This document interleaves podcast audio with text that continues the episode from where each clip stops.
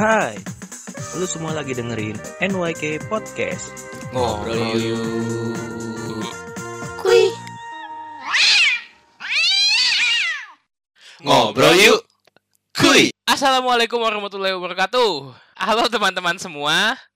Jadi di sini gue lagi sama teman gue lagi nih, teman kita nih. Eh di sini kita ada Hakiki dan ada Kikoknya lagi ke laut. Lagi berjuang Kiko, lagi berjuang. Sibuk dengan dunianya. Ah, ya di sini eh, ada temen gua nih, temen SMA gua lagi. Spesifiknya temen SMA gua. Ya langsung saja dikenalin Nat, boleh lah. Nat. Ah, oke. Jadi perkenalannya Radia Rahmat ini atau yang biasa dipanggil Radia, seorang anak muda yang merintis karir sebagai musisi, berjuang hidup dengan idealismenya. Memiliki latar belakang pendidikan IT dan mempunyai orang tua yang keduanya merupakan dokter, tidak membuat Radia memilih kedua jalan tersebut. Justru Radia memilih jalan sebagai musisi. Nah, Oke. gimana nih kira-kira ceritanya? Penasaran? Coba aja langsung kita dengerin. Kayak baca berita anjing.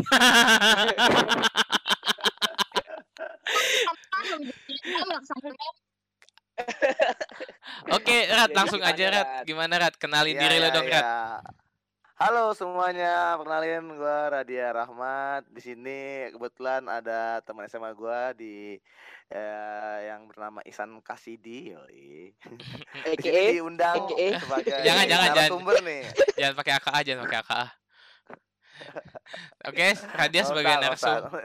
Iya, nah di sini kali ini ya sharing-sharing lah kita nih biasa nih. Jadi tadi ada dibuka main ada tadi kurang lebih infonya gitu. Ya, saya eh, gua seorang musisi, gua saya campur-campur aja nih. Gua seorang musisi 25 tahun. Ya, Hmm, Iya betul yang bisa Muda- ada bener. muda berkarya, anjay. Mudah berkarya. berkarya. Oke, jadi itu Radia tuh ya teman-teman semua. Iya. eh langsung aja nih, gua masuk ke pertanyaan pertama nih. Kenapa Ya. lo mau jadi musisi, Rat? Oke, pertama eh, sebenarnya ini ya apa ya? Sebuah ada ada sebuah momentum lah. Jadi kalau ditanya waktu waktu kecil itu nggak pengen langsung jadi musisi gitu. Kalau main musik bisa, tapi kenapa jadi musisi? eh hmm, jadi waktu momentum di masuk pertengahan kuliah, di mana situ udah gue udah kuliah IT di di Binus. eh. Di situ gua di semester 5 kalau nggak salah. Di situ gua buatlah band sama temen gua yang di mana emang kebetulan nyokap gua ada ada kafe juga di situ. Nah, di situ eh, gua sama temen gua ngebuat band di situ kafe nyokap gua gua main musik di situ. Dari situ terbukalah pintu-pintu eh, bermain musik di mana-mana. Mulailah eh, ada main musik di sana di sini di sini. Dan lama kelamaan gua gua sendiri ngeliat oh ngerasa ada potensi eh, dunia musik ini udah kayak ada peluang gitu. Nah, kurang lebih di situ apa eh, starting point gua dari musisi. Dan ditambah ya ya ternyata pas gua nge- ngerjain itu gua ngerasa senang, gua ngerasa enjoy dengan apa yang gua lakuin gitu. Hmm, Itu kapan? Hmm. Rat? Maksudnya momentum itu akhirnya kapan adanya gitu? Iya, ketika lo waktu itu- ngapain maksud gua gitu? Hmm, Tahun berapa gitu? Sampai bisa Itu bisa lebih- ujuk-ujuk lo. Kayak gitu gitu. semester 5 atau kurang lebih di gua 2015 eh sorry 2016 2016 kurang lebih semester 5 semester Enggak, 6 maksud gitu. maksud Kiki mungkin momentumnya tuh kayak lo lagi manggung terus dapat duit banyak gitu gitu ya. oh eng- enggak sih eh enggak enggak langsung kayak gitu sih pasti semu eh, gua berawal juga nggak langsung duit banyak maksudnya eh, awal-awal Hmm. tuh itu tadi eh, gua sama temen gua di binus Hmm. ternyata ada demen, demen ngeband juga sama sama IT sampai detik ini gua masih ngeband sama dia nah Hmm. dia emang Oke. salah satu pelo- uh, pionir temen pionir teman gua yang yuk pak kita bikin band pak oke ayo Ap- nah ditambah Hmm. momentum itu emang sebelum itu pun nyokap nyokap gua tuh suka uh, apa namanya minta gua ngisi musik di kafe tapi gua dulu belum ada dorongan. Nah momentum itu uh, temen gua ngajak nah gua bilang aja nyokap mah uh, Radia ada ada punya band nih bisa main nih kayaknya nih bisa mulai ngisi. Nah di situlah mulai ngisi di kafe. Bisa di kafe oh ada beberapa temen kenal-kenalan oh tahu nih Radia bisa ngeband juga bisa main keyboard saat itu. Mulai diajak keluar. Nah mulai dari keluar itu itulah kalau dunia musik nih eh, referensi-referensi. Kenal sini oh ter bisa diajak ke sini lagi diajak ke sini lagi. Kalau kita apa punya eh, bisa punya sesuatunya punya skill dan punya attitude yang bisa apa namanya di ibaratnya dijual lah di kalangan musik musik. Ya awal-awal kafe kan. Nah dari kafe ke kafe Oke. dari wedding dari event gitu. Nah sekarang kalau gue sekarang sih eh, udah ya masih ngelakuin itu tapi ul- mulai starting to production di karya lagu sendiri seperti itu. Anjas. Mantap, mantul Anjay, mantul. panjang nggak ya Eh. Ya. Eh, Rat, terus kan ya ya info yang ada nih katanya kan lu juga eh, apa namanya anak bu dokter sama pak dokter nih ya kan nah Hmm. dari situ yang lu kan binus ya binus ya tadi ya binus IT Yo, yo, nah yo. itu lu Yoi. kenapa bisa dalam tanda kutip ya sorry membelot gitu kenapa nggak akhirnya ngikutin kedokteran juga gitu dan bahkan bukan sampai itu sekarang pun lu malah jadi milih jadi Musisi. lu musisi Iya. gitu Udah belok Udah- jauh, be- beloknya jauh lagi. belok belok belok belok nggak muter-muter nggak balik-balik gitu Bener-bener ya itu emang itu itu fun fact sih jadi di keluarga besar gua dari bokap dan nyokap dari nyokap dulu ya? Dari nyokap keluarga Medan tuh. Dari keluarga dari Medan Karo. Eh, itu nggak ada yang musik. Yang menekuni profesional musik belum ada. Itu fun fact dari Oh. nyokap. Oh. jadi gua di pihak nyok dari nyokap dari Medan itu nggak ada Samsek. nah kebetulan dari bokap ada ada, ada dua sepupu gua yang bergerak di musik. Nah nah, nah untuk membela ngelut ini sebenarnya nyokap bokap gue sih eh, nggak terlalu mengharuskan anaknya jadi dokter ya tapi pasti dalam hati kecil mereka pasti ada rasa kayak pengen lah tapi mereka tidak memaksakan tapi secara eh, garis besar mereka pengennya si anaknya di dunia akademis lah kurang lebih gitu sih tapi Oh, karena oke, mereka oke. kan dari dunia latar belakang seperti itu dan bokap Hmm, juga ah. dosen gitu jadi berpikirnya dunia ini ya eh, yang jelas di mata mereka dan memang di mata kebanyakan publik sih pastinya juga Hmm, itu yang akademis gitu yang formal gitu. Nah hmm. sebenarnya gue juga nggak apa ya nggak nggak kepikiran juga awal jadi musisi. Tapi eh kalau untuk bila cara kalau tadi si Kiki nanya gue jadi dokter kenapa enggak kalau dok untuk yang spesifik dokter gue apa ya kalau dokter kayaknya gue enggak deh. Kalau dokter sih kayaknya enggak pak. Karena gue tuh lihat yang gue gak kebayang sih kalau lo jadi dokter sebagai orang yang mengenal lu dengan cukup baik ya. ya ya Bap- Bap- bapak Isan mungkin lebih kenal saya saya di sekolah Kenapa nih? apa dulu. Jadi Eh, nih Radia ini dulu nih ya pas kita SMA, eh, yang ngebuat Radia nih dulu pas kita SMA, dia itu sekolah sarapan. Kalau orang sarapannya di kotak kan. anjay Nah, kalau kalau Radia nih sarapannya di kantong. Anjir. itu? Jadi roti, asli, asli, asli. jadi roti taruh di kantong udah, langsung kantong baju. Jadi kayak ambil kalau mau Jadi makan kan kali kalau kita kan mau jajan kalau kita kan mau jajan dari kantong ambil duit. Dia kalau mau makan ambil roti di kantong. Dan salah satu pelanggan utama saya itu bapak Isan. Nah. Bapak kan ngambil juga dari saya. Wah jelas jelas. Kita sebagai kaum kaum ya. Wah apa tuh? Roti sikat. Potek rat ada, ada, ada- tidak tidak sedikit kok. Ada sekitar tiga empat orang yang mengambil roti itu dibagi-bagi pagi-pagi roti kantong aduh. Gua nggak kebayang kalau jadi dokter kayak gitu rat. Aduh. Tapi nggak gara-gara Tapi itu itu kan. karena- karena- karena buru-buru cuy. Karena buru-buru. Ya emang gua orangnya kadang-kadang gitu pagi-pagi gua Oke, oh dia bawa- bawain bekal. Udahlah skip. Udah langsung taruh kantongnya aduh gue selalu ngakak rat kalau nginget kalau nginget itu. Eh lanjut lanjut lanjut. Maaf maaf maaf. Ah, Iya, ah, ah membelok. Ah kenapa gua nggak jadi dokter? Pertama emang gua Hmm. ngeliat dari waktu SD ngeliat gambar-gambar luka atau gambar-gambar yang kayak bolong-bolong gitu. Apa tripofobia kalau nggak Hmm. salah ya. Tipe Ih, ih, ti- kayak gini. tirophobia merinding, merinding. ya itu tuh Merinding, itu kayak gitu-gitu tuh gue merinding. Ih apaan sih? Sama nah sama. sedangkan dokter itu ya dituntut yang lihat yang kayak gitu ya misalnya etikanya kita sebagai manusia misalnya kita jadi dokter kan masa kita lihat ada luka yang bolong-bolong kita ih bapak ih jorok banget masa kita ngomong gitu? Kan kan kan kasihan pasien datang kita dibayar kita malah menghina dia kan kayak gitu. Dari situ gue udah berangkat nggak enak gue gue orangnya sedangkan gue orangnya nggak mau menyakiti hati orang gitu gue nggak paling nggak bisa itu satu. Kedua Hmm. emang kayaknya eh, agak lama belajar dokter sedangkan kalau gue ngerasa sih dulu agak berat sih kalau untuk dokter ya.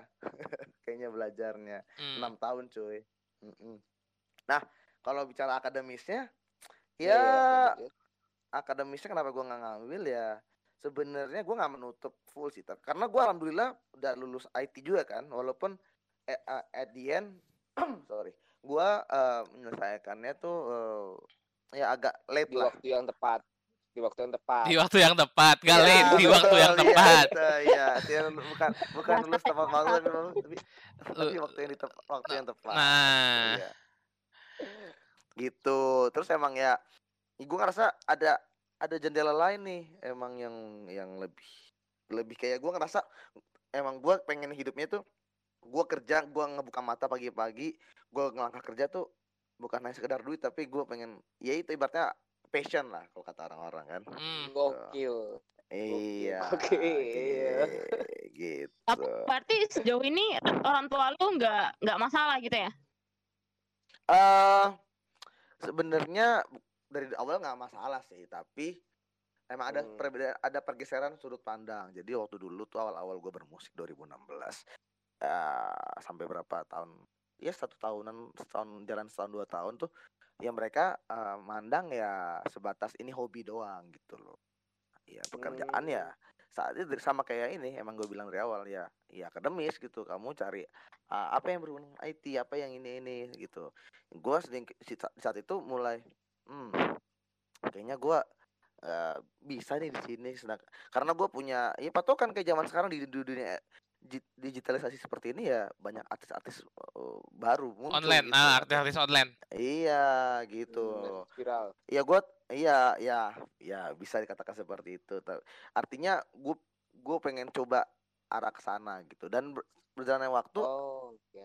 eh di saat itu gue belum mulai berkarya bikin lagu apa gimana sih tapi udah Heeh. mulai nulis lagu sendiri. Tapi buat di save di voice note doang. Tapi dengan berjalannya waktu gue alhamdulillah eh, ada kesempatan main di TV ada kesempatan main di Java Wih. Jazz ada ada PRJ nah itu itu yang ngebuat oh nyok bokap nyokap tuh oh kayaknya ini eh, punya potensi Ada potensinya nih ya, gitu. Oh, iya di dunia musik. Anak bener nih anak bener nih. Iya.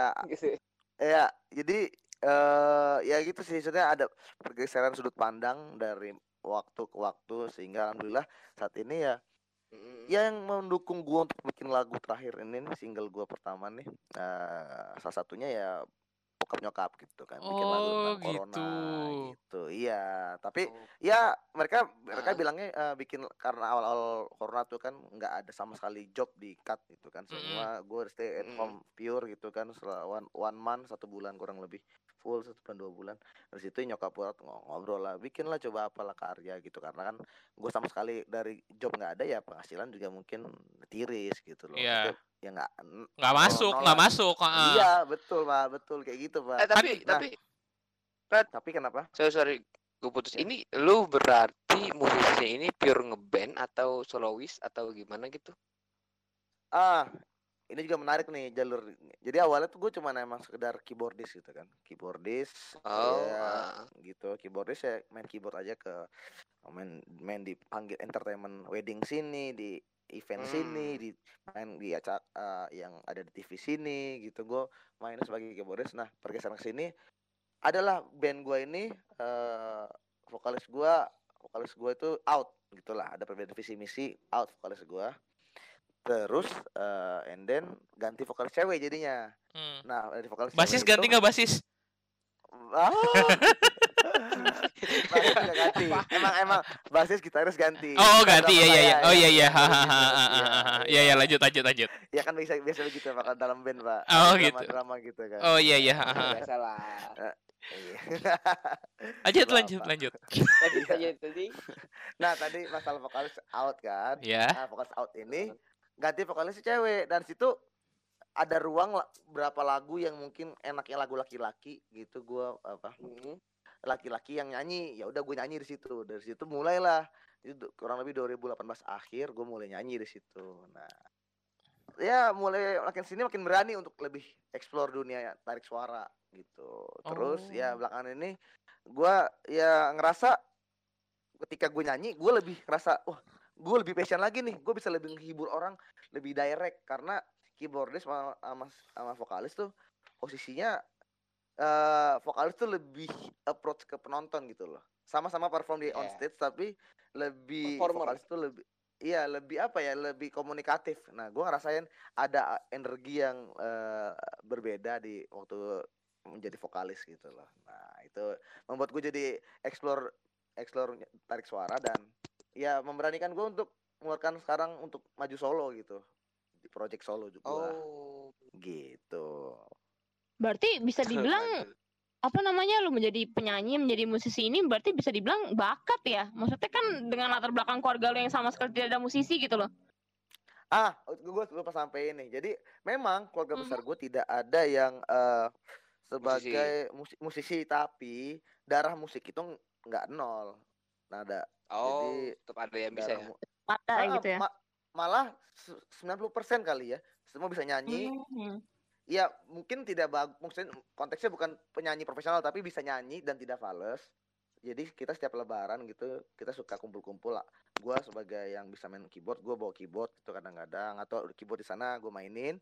Ya kita nyanyi bareng gitu gitu. Untuk untuk untuk darah musiknya sebenarnya dari kakek dua dua kakek ini dua kakek nenek ini emang bisa apa ya bisa bernyanyi lah punya Hmm. suara yang bisa ditampilkan di Hmm. acara-acara keluarga, acara catering gitu. Jadi gua eh, efeknya kayak bokap nyokap juga dari kecil gua pagi-pagi weekend gitu misalnya lagi liburan gitu kan pagi-pagi turun tuh bokap nyokap kadang-kadang Mm-mm. karaoke kadang-kadang ada nyetel eh, eh, lagu-lagu jadul The Beatles pa Pampers macam-macam jadi emang musik itu bukan Mm. suatu hal yang asing di untuk diri gua dari kecil gitu Ya jadi masuknya ke darah musik jadi bisa di- dibilang bakat lah untuk musikalitasnya seperti itu.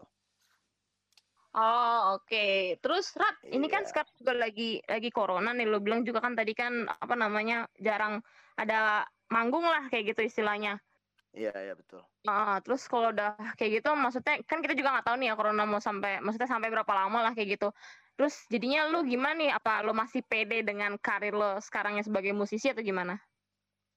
Ah ini emang sebuah apa ya tantangan sih bahkan bukan bukan sekelas musisi gua ju- doang bahkan sekelas musisi yang besar nasional pun ini tantangan yang cukup eh, Berat. berat gitu kan bahkan sekelas ya sekelas siapa pun Noah Afgan Judika mereka kalau lo perhatiin semua nih banyak musisi-musisi bergeser ke YouTube bergeser ke online semua. Iya. karena emang off airnya itu ya susah. Paling sedangkan salah satu pendapatan besar musisi itu dari off air untuk untuk pendapatannya kan. Nah ini emang tantangan sedang. Tapi gue sih ya gue sih alhamdulillah untuk eh, finansial alhamdulillah masih bisa terjaga masih bisa ada tabungan lebih dan ya masih setia sama orang tua yang di mana ya gue kebetulan masih pengeluarannya belum banyak jadi masih bisa ada ruang buat explore. Gue target gue sih emang untuk ber- tetap berkarya terus sampai sampai ya ya kalau bisa karya bisa dinikmati sama orang lebih luas lagi Hmm, gitu. jadi dari situ nanti dan ini gue percaya sih insya Allah dengan keyakinan eh, eh, hati dan ya keyakinan diri aja kalau ini nggak akan bertahan selamanya pasti Iya. akan ada habisnya pasti kita bisa kembali ke eh, the true normal lah ibaratnya Iya Ya, kembali ke banyak. normal kembali ya. Kembali ke Fitri. iya kembali nor ya ibaratnya seperti itu bumi ini kembali restorasi lagi Anjay. terlepas pandangan apa pun kita itu Kan ini lo kan udah bikin lagu nih Rat. Satu biji. Yes. Ini temen gua nih si Hmm. Radia nih punya lagu. Judulnya apa Rat? Lupa gua. Ah judulnya jalan terbaik Jalan terbaiknya bisa cari di YouTube ya. Jalan terbaiknya Bisa ada Radia segala- Rahmat. segala Di platform segala bisa. platform ada, bayangkan. iya Videonya ada. Yo, Ada, bayangkan ada, ada. Ada ada videonya. bener bener bener. yo eh, bisa dicek teman-teman Berarti semua. lo, lo rilis lagu secara independen ya? Betul Iya, sekali. betul. Oh, Eh kenapa aku jadi yang itu- iya anjing? bener. Nah, sebagai temen-temen deket gua kan lu salah satu support gua lumayan kenceng ya San Tipo, tadi Tipo. Oke, eh, itu kan lo nyanyi keluarin lagu solo, single, itu Ya. lo yes genre musik lo itu pop atau apa, Rat? Genre musik yang Eh. paling nyaman lo nyanyiin. Oke, Dan sepede dan sepede apa ketika lo bawain lagu itu gitu. Oke, pertanyaannya menarik. Ini sesuatu yang eh, emang yang gue pikirin di awal gue nyanyi gitu loh. Kan gue berangkat dari musisi kafe. Jadi musisi kafe ini cenderung nyanyi itu semua lagu dinyanyiin. Sampai detik ini pun gue kok selama lagu itu bisa gue bawain, gue nyanyiin, pasti gue bawain. Tetapi untuk Mm-mm. bicara tentang karya, kita lebih di- lebih terperinci lagi nih. Gua, gua yang gua anut tuh, yang gue percaya kalau kita bicara produksi kayak misalnya Pamungkas, Judika, mereka pasti bisa nyanyiin banyak lagu, tetapi mereka bi- eh, harus eh, nentuin Memiliki spesialisasi. Betul sekali, gitu. Nah, gua ngerasa ya di sini gua eh, bawain genre sebutannya itu pop British. Jadi itu kalau di Indonesia itu musik yang laku di era 2000-an. Di 2000 ya generasinya The Massive, generasinya Oh, Peter Pan, Peter Ungu. Pan. Iya, generasi-generasi itu. Kenapa gue ambil itu? Karena eh eh, selama perjalanan gue nyanyi di kafe ini, nah kan tadi gue bilang lagi kafe itu bawain banyak lagu ya. Iya. Tetapi pas gue bawain lagu-lagu era The Massive, Ungu, apa Peter Pan, itu penonton ngeliat. Di situ ada gue ngerasa tingkat PD gue dan mungkin emang dari segi suara lebih cocok gua Masuk. ke arah sana. Iya. gitu loh. Genre gue di situ. Gue bisa ngerasa, oh orang gue ketika nyanyi lagu ini orang nengok. Oh ketika gue nyanyi lagu ini orang eh, antusiasnya berbeda dibandingkan lagu yang lain gitu. Nah, Terus siapa yang jadi support system lo untuk tetap kuat merintis karir sebagai musisi? Kayak eh, ya udah nggak apa-apa Rat lo bakal bakal sukses jadi musisi terus nih gitu. Siapa Rat? Mak lo, pacar lo, ade lo. kalau pacar saya belum ada pak. Ya, langsung saja bagi bagi para wanita yang mendengarkan boleh nih dicek nih IG-nya Radia underscore RP ya Rat ya. Langsung Boleh, saja. boleh, boleh. Siap, siap. Jadi promo ya, biro jodoh ya. Bisa di swipe swipe left ya apa sih kalau main tuh swipe left ya? Right Swipe dong, right, salah, dong. salah gua kan nggak tahu, nggak main pak. Lu, lu dajal lo ya, maunya ke kiri lo. Oh, enggak jauh bisa. Oke, siapa Rat? Support system. Ya.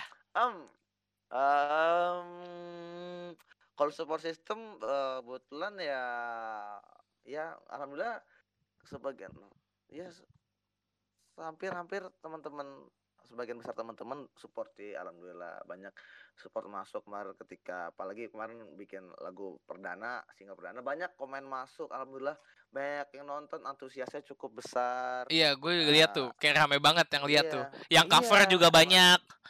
Iya, aduh, itu sumpah ya San, itu gue di situ salah satu titik ngerasa feel grateful banget bisa di lagu perdana di mana dalam hitungan harian atau dua minggu. Bahkan ada yang baru belum sah belum genap 24 jam, ada, ada udah ada yang teman bisa cover langsung. Itu wow, gila. Keren sumpah. Sedangkan orang kadang-kadang ngulik lagu tuh bisa sampai berhari-hari. Ini lagu gua baru tayang di YouTube sekitar mungkin 12 jam kurang lebih dia udah upload uset itu tuh salah satu support ya. Bagian dari support system juga teman-teman.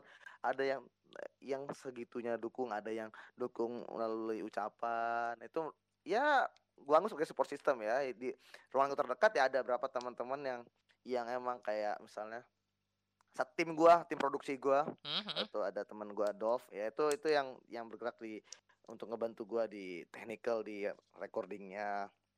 Ya, kayak Hmm, gitu-gitu. Dan ya keluarga so far juga alhamdulillah setelah yang tadi gue support ceritain banget ya. sekarang udah ya mungkin belum banget tapi ya udah support maksudnya mereka dukung juga untuk gue bergerak di bidang ini Bidang gitu ini. Hmm. iya gitu.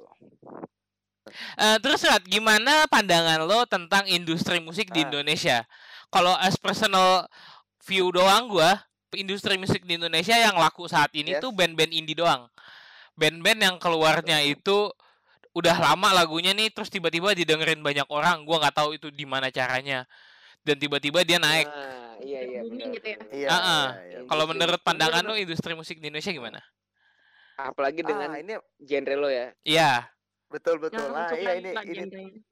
Iya ini ini ini emang tantangan buat gua. Jadi di sini eh betul yang dibilang Isan. Jadi eh, sekarang lagi ngetrennya itu musik 2020 ini emang yang tren itu elektro, EDM, and then indie kayak Boy Pablo gitu. Hmm. Yang lagi up itu seperti itu. Emang ini eh apa ya? Ya emang emang lagi ke situ arahnya. Eh arah mainstreamnya di situ. eh musik-musik industri kita di Indonesia lagi berga- banyak arusnya di situ. Jadi ya itu nggak bisa- kita pungkiri. Tapi kalau gua memandang untuk personal gua, ya itu oke nggak apa-apa nggak ada masalah. Tapi ini tantangan buat gua untuk ya untuk membuka eh, yang berbeda di eh, sektor industri musik yang ah, ya bisa dibilang berbeda lah dengan kondisi musik saat ini. Tapi gua ya dengan percaya dirian gua, gua coba berusaha dulu berkarya dari hati gua. Mungkin nanti ada tetap ada sentuhan sentuhan 2020-nya sebenarnya ada di lagu gua tuh eh, ada sentuhan elektronya, drum drum loopernya ada sedikit gitu. Buat Hmm. tetap combine idealis gua dengan pasar yang saat ini terima. Karena kalau gue sih percaya ya kalau musik-musik 2000-an ini musik band ini orang ada ada pasar tersendiri juga. Mungkin saat ini yang yang viral yang lu yang lu bilang tadi San.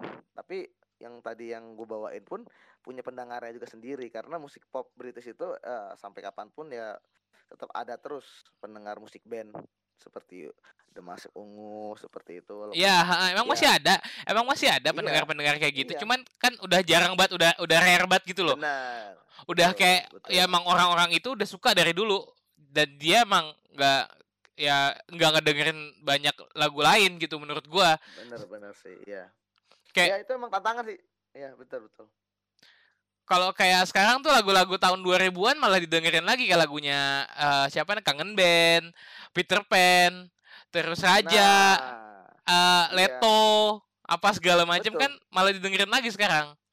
benar. Nah jadi emang ada sedikit dua arus ya berarti bisa dikatakan lagi. Yang barusan lu bilang bener lagi san. Jadi ketika lu sering main kalau coba main ke kafe apa bahkan lu nonton perform musik ya entah kenapa energi lagu 2000-an itu atau bahkan 90 dan 2000 ya 90 dan 2000 ketika lu denger entah kenapa ada energi yang lain dibandingkan lagu-lagu baru kayak eh, ya lagu-lagu Lagu-lagu yang Iya ada lah. sekarang, iya.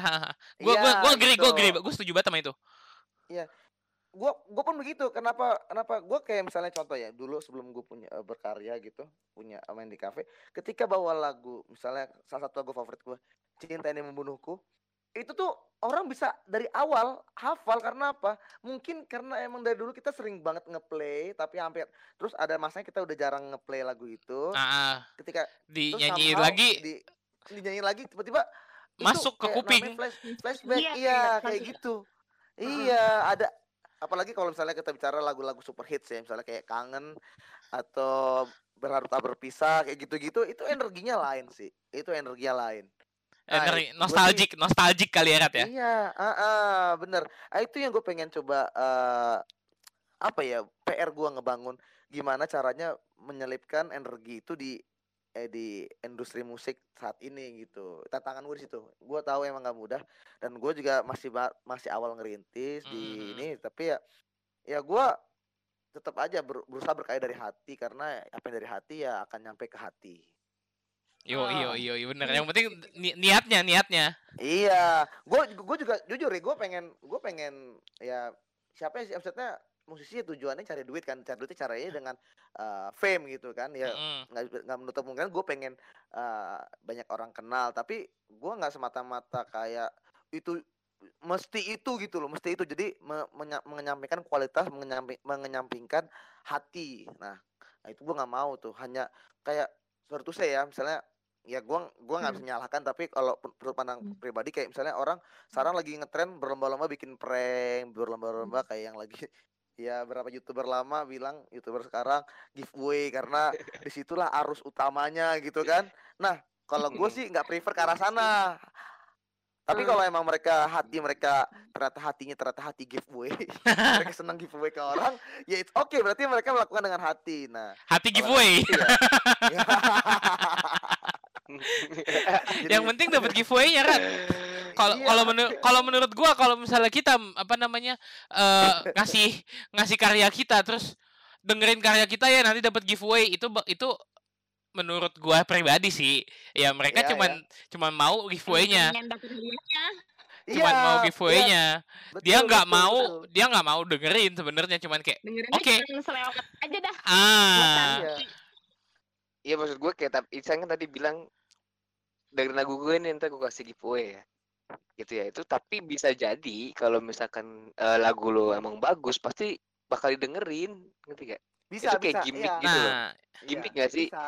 Asal konten lo bagus ya lo ngeles gitu. Betul, itu betul, tantangannya kan kayak gitu kan. Betul. Nah makanya kecuali memang yang bilang, benar-benar pure giveaway giveaway doang nggak jelas. Nah, kontennya memang nggak iya. jelas. Itu Sedih sih. dia. Makanya tadi gue bilang iya gue mencoba mencampurkan idealis dan pasar hmm. jangan kata ah, makanya oke. itu, itu bisa jadi resep gua mungkin di somehow nanti. Misalnya kayak ada teman gua eh, bukan ya teman. Kalau lu pernah denger ada ada dua yang gue kenal di situ Three Souls. Three Souls itu eh, Hmm. artis baru juga lagi naik. Dia kemarin ngelakuin cover challenge dengan had- iming-iming hadiah 10 juta. 10 jutaan lah gue lupa detail kalau nggak salah 10 jutaan 10 jutaan. Hmm. di situ gue nggak ngerasa mereka pure hanya sekedar giveaway. Mereka recording dengan sepenuh hati. Mereka nge- ngegarap produksinya dengan maksimal. totalitas. Iya artinya mereka ya, tadi gue bilang mencampurkan idealis mereka dengan eh, pasar saat Re- ini. oh realitas yang ada. Oke oke iya Adap- tapi mereka nggak ya. sepenuhnya cuman sekedar mengandalkan giveaway jutaan-jutaan itu doang. Tapi lu coba dengerin Iya, aja itu gimmick lah iya yang lu bilang bener. Jadi narik ya perhatian. eh, eh, jadi gi- gimmick gitu. Nah mungkin itu juga bisa jadi eh, salah satu alternatif gue juga buat cara promosi di di industri ini bisa seperti itu. Tapi jangan sekedar Ah. hanya mm, kayak ya tadi gue bilang mungkin ya banyak yang di eh, sindir-sindir di youtuber-youtuber zaman dulu tuh yang sekarang apa disindir youtuber baru tuh sekedar cuman giveaway giveaway doang gitu jangan sampai iya iya benar. Tapi kalau gua ngelihat perspektif dari konten kreator yang dimaksud itu sindir Hah? ya.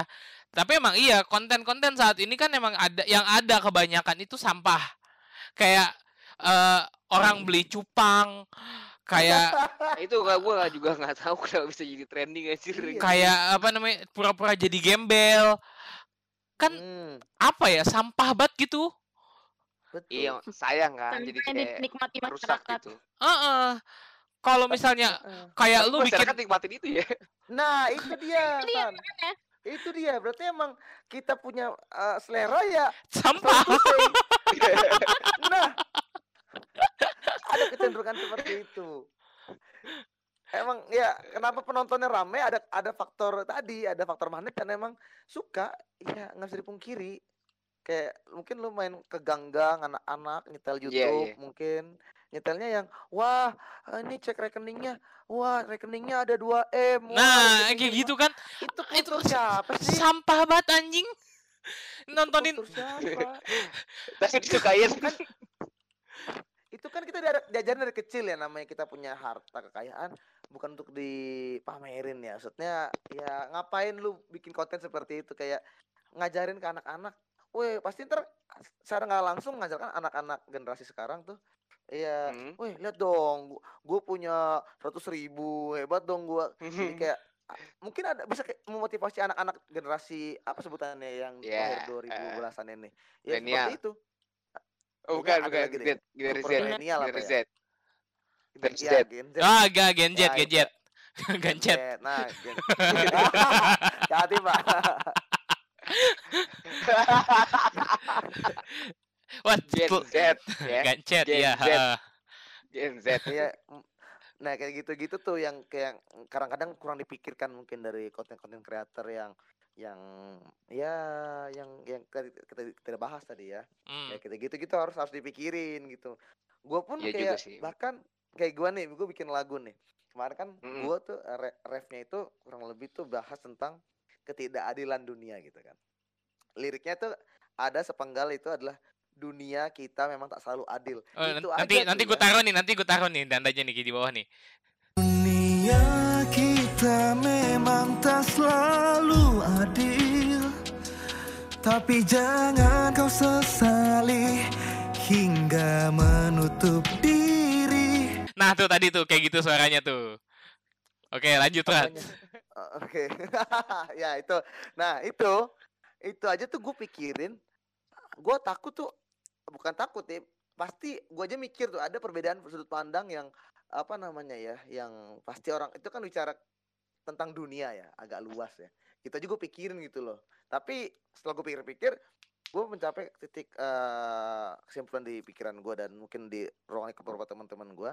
Ya emang itu eh, emang itu realita yang kita hadapi. Sometimes itu kita diperlakukan tidak adil di, dun- di dunia. Entah apa pun tentang hal itu. Misal diperlakukan kok eh, teman kantor diperlakukan si penjilat yang naik pangkat atau misalnya kita apalah kita misalnya kayak contoh simpelnya kita pesan makanan di kafe yang di luar yang kita duluan yang dapat yang pesan belakangan kayak gitu-gitu kan kayak kadang-kadang itu it's happen gitu loh jadi kayak gitu-gitu gue pikirin. Tapi ya menurut gue ya itu realita dunia terserah lu kalau misalnya lu merasa ada ada berapa orang yang harus oh misalnya ada haters atau, atau ada yang berbeda sudut pandang dengan, dengan lagu gue gue sampai aja. Gue merasa bersyukur oh gue terus senang karena eh, berarti dunia merlakukan lu adil. Wah bagus alhamdulillah gue bersyukur gitu loh. Karena maksudnya konteks gue tuh di sini memotivasi motivasi teman-teman. Kalaupun emang kita nggak diperlakukan adil atau keras di dunia ini membuat lu terpuruk iya jangan sampai lu nyesel yang sampai berlebihan sampai lu menutup diri gitu loh. Karena di lirik gue selanjutnya itu ya adalah am, tapi jangan kau sesali hingga menutup diri. Ya itu yang gue mau sampein gitu loh. Misalnya kalau lu pun diperlakukan tidak adil di dunia ini diperlakukan tidak baik ya lu jangan ngegerutu ngegerutu, ngegerutu terus gitu loh. Hmm. coba hadapi semua gitu loh. Tetap jangan tetap jangan nutup diri tetap hadapi semua dengan segala usaha Ikuti yang lu yang bisa ada. dan di ya bisa itu Hidup emang adalah itu anugerah, tetap jalani Hidup hidup a- ini. satu tema pak saya Gitu sama sama itu pak.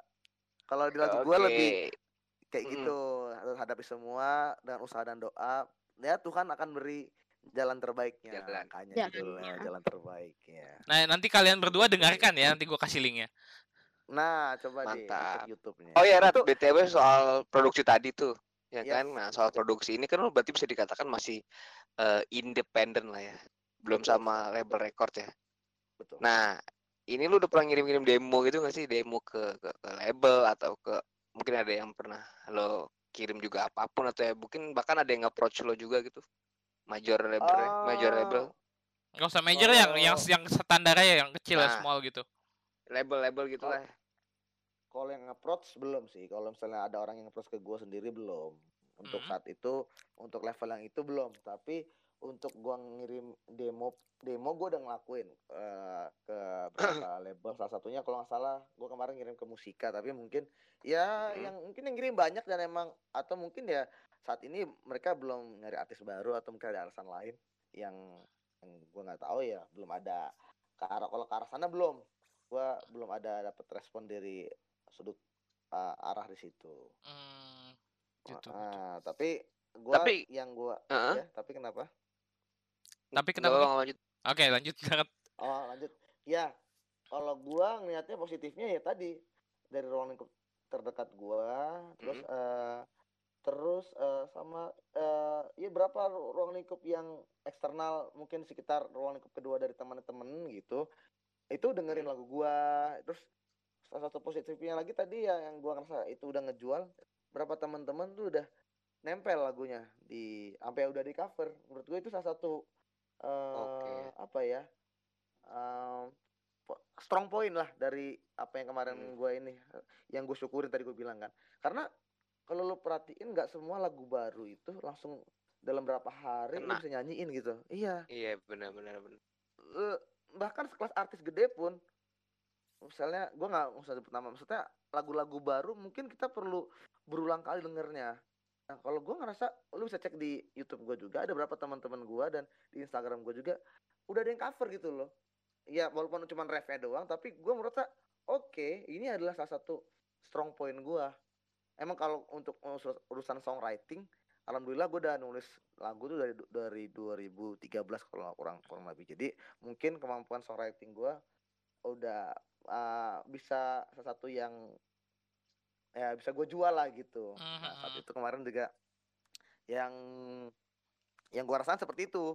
Dalam hitungan berapa hari wah teman-teman udah bisa pada nyanyiin loh Ya, itu itu sih yang gue lihat ini kalau emang urusan dari label ini sih belum belum belum belum Belum ada belum sampai situ ya. belum terang lah di situ Ah, belum ah, ah, ah. terang. Tapi ya gue nggak menutup pintu aja san atau ki.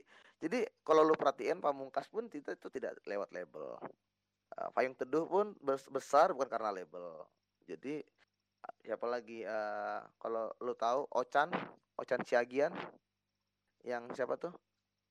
Eh lagu TikTok tuh Ex- Siapa?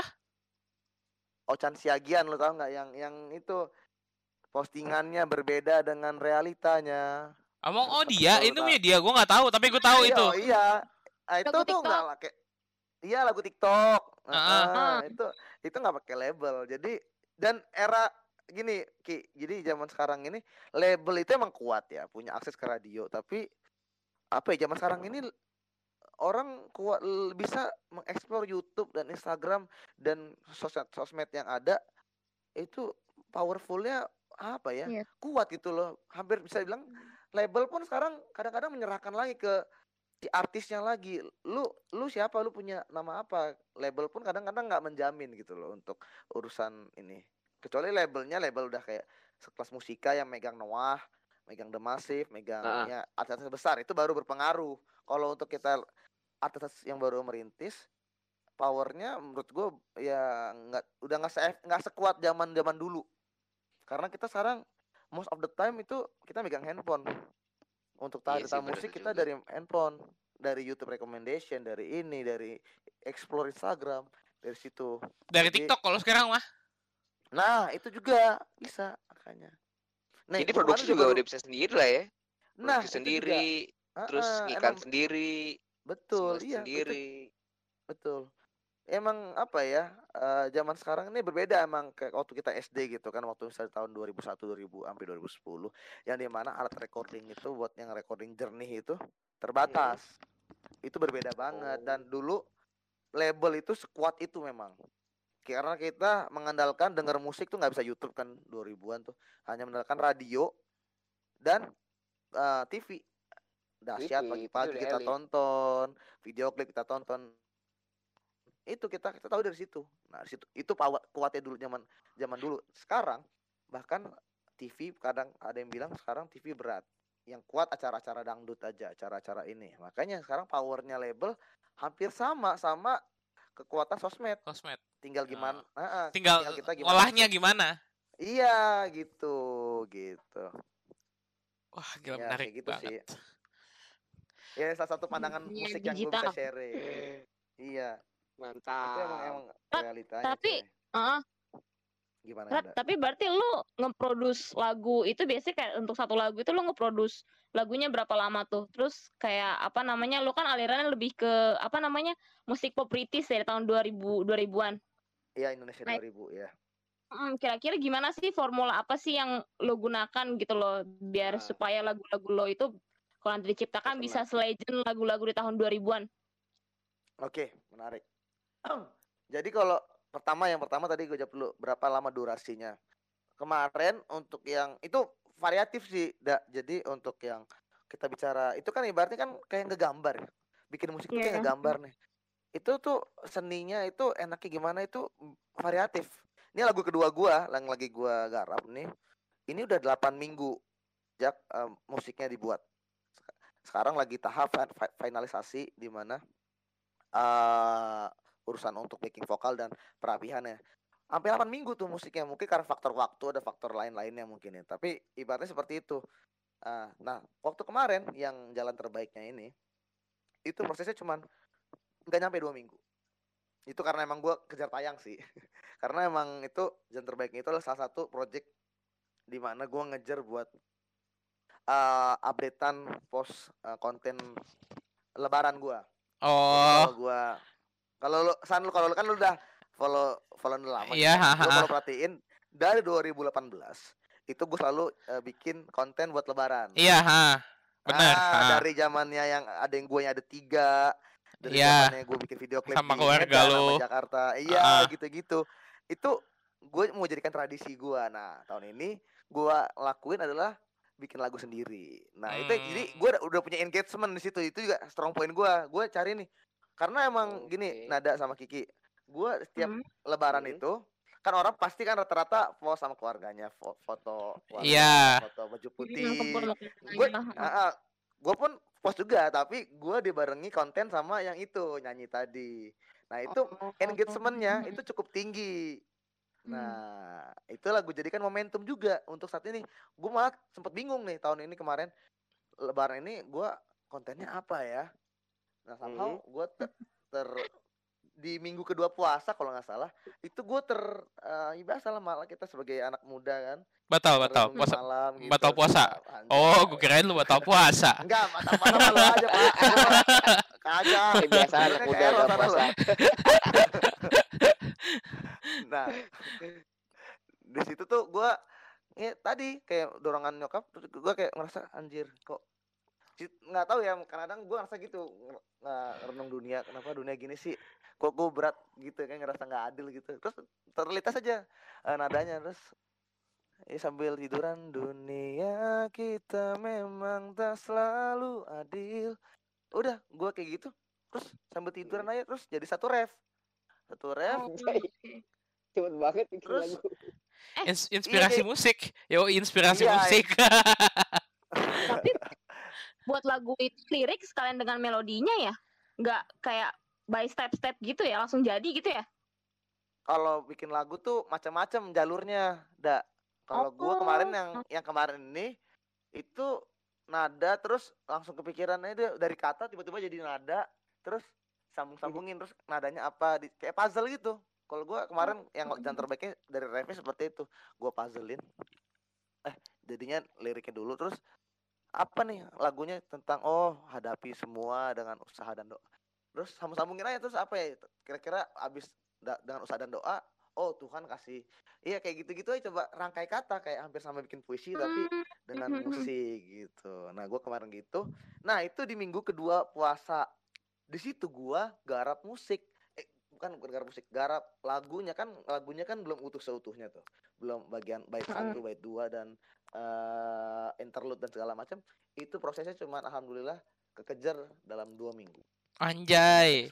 10 hari Cepet ya? itu wah itu kalau itu Hah? itu jarang sih itu jarang sih men teman-teman semua itu jarang banget biasanya orang nulis nulis lagu tuh nggak secepat itu apalagi Hah? dulu gua pakai video klip kan Iya. itu gua langsung Tapi Itu- kalau misalnya dari gue personal ya, lirik lo tuh catchy. alhamdulillah Liriknya Alhamdulillah. Radio tuh kalau lu dengerin catchy. Coba Liriknya nanti, nanti lu bisa langsung cari aja di YouTube ya. Hadiah Rahmat jalan terbaiknya. Iya.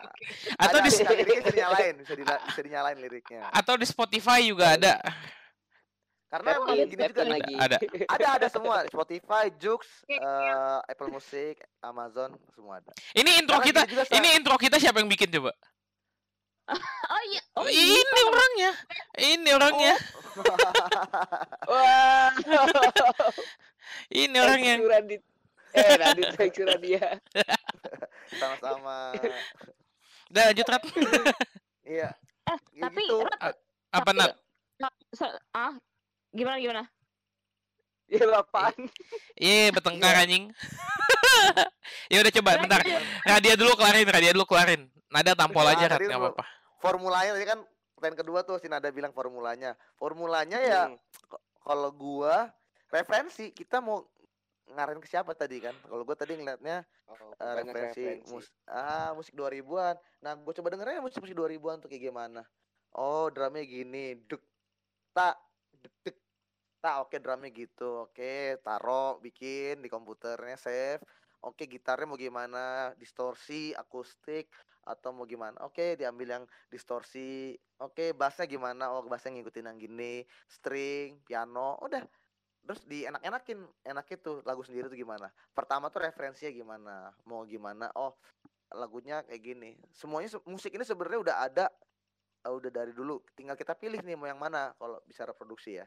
Jarang orang bisa ngebuat pure baru sepenuhnya baru. Nggak ada ya gua sama teman-teman gue sih berpendapat seperti itu. Nggak ada musik sepenuhnya baru. Musik itu udah semuanya udah ada. Tinggal dikemas lagi ditata ulang lagi gimana caranya sehingga menjadi sebuah karya. Pasti itu ada referensinya. Gitu. Kalau Hmm. formulanya sih gitu. Balik lagi ke production dan feel. Kayak kalau kalau musik itu feel. Dengerin aja oh musiknya gini. Oh gitar sama pianonya jangan main melodi dua-duanya. Yang satu ngalah yang satu jangan terlalu banyak bunyi nah kayak gitu dirasain kalau gue seperti itu formulanya dengerin lagi oh enak oh coba bandingin sama Coldplay oh coba ya oh Coldplay gini oh banding sama The Massive oh Massive gini Oh, banding lu nya sama- berarti lu berarti musik pemain musik pemain esok juga nyari referensi dari lagu lain gitu ya.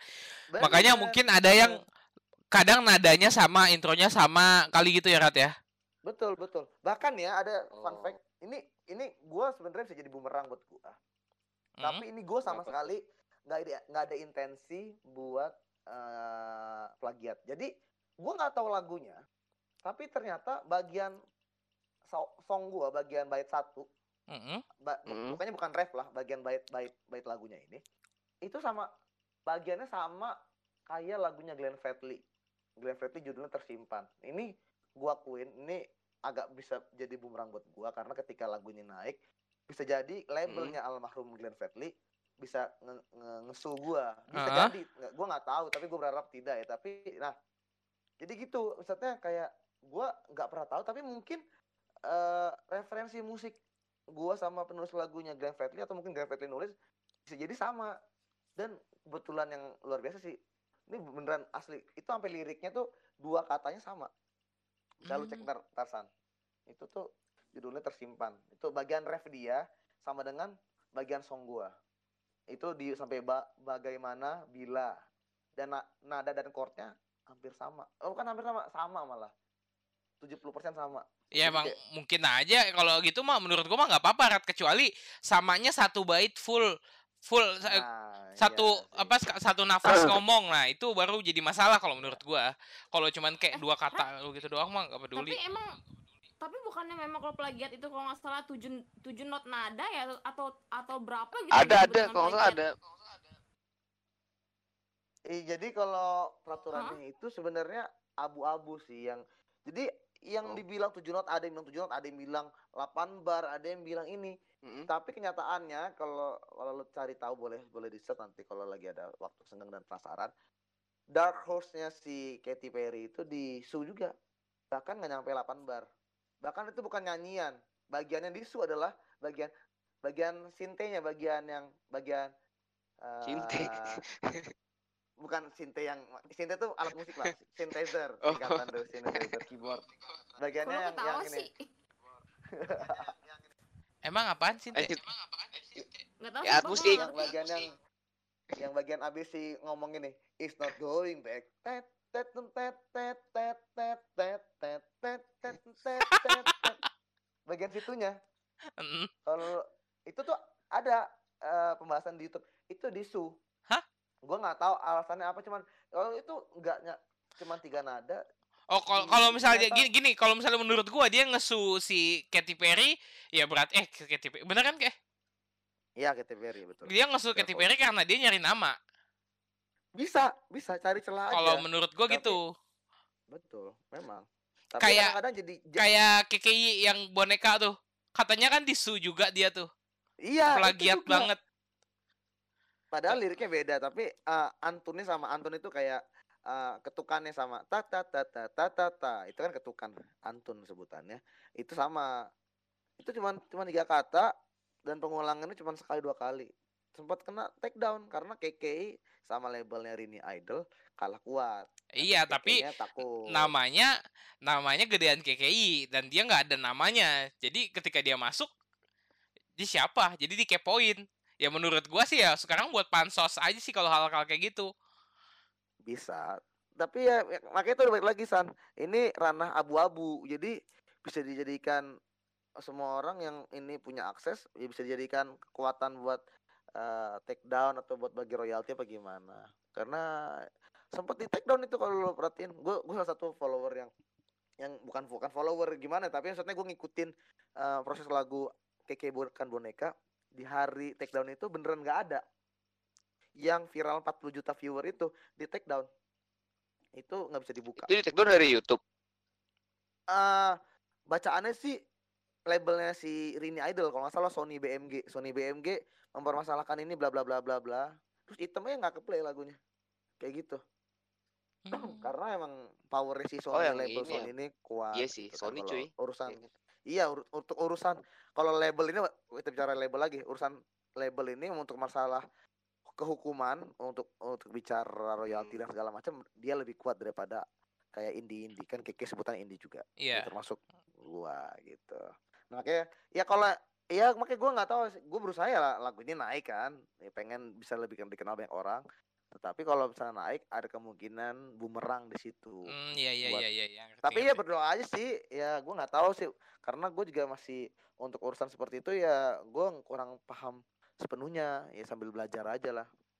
Kalau rezeki bisa naik gua anggap itu rezeki. Tapi pun siap-siap ada konsekuensinya. Tapi emang ya itu tadi kita balik lagi. Itu referensi itu referensi yang gua anut gue nulis lagu itu bener-bener nggak tahu lagu tapi itu mungkin ada kesamaan aja itu nggak tahu dari mana mungkin pernah keselibat mungkin gua denger di lagi muter-muter di ITC ada yang muter Grand Fredly gua nggak terus denger, tapi kena di otak lo. iya kan, terus terus jadi di otak nulis lo. lagu bisa kayak gitu itulah namanya referensi gitu Oke, terus ini eh Rat, tadi kan lo udah Yes.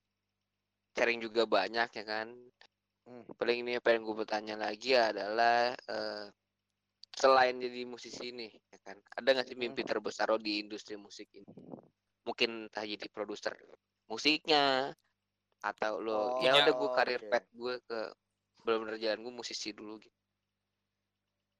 kalau untuk saat ini ya yang pertama gue lakuin ini musisi dulu ya maksudnya menjadi musisi ya gue ngikutin referensi gue maksudnya kayak cara untuk cara naiknya nih gue ngeliat cara Pamungkas naik cara Yofi Hmm. Widianto naik Ahmad Dhani naik itu mereka berangkat dari ya mereka garap berkarya dulu Oke. kalau Pamungkas malam mal- masih tahap berkarya mereka si Pamungkas ini masih Hmm. berkarya lebih fokus ke berkarya mungkin dia bantuin beberapa temennya produserin atau apa tapi belum yang gimana gimana tapi kalau misalnya kita bicara yang lebih advance kayak Yofi Widianto Ahmad Dhani siapa lagi ya teman-teman yang senior senior yang lebih itu mereka sudah kayak udah garap garap-garap kayak misalnya ADMS misalnya untuk urusan orkestra mereka udah garap-garap bantuin udah ngerjain produksi-produksi yang artis lainnya udah level seperti itu. Tapi kalau kita tarik ke belakang di tahun 90-an Ahmad Dhani, Arman Maulana, si Ari Lasso ya mereka hanya berkarya aja.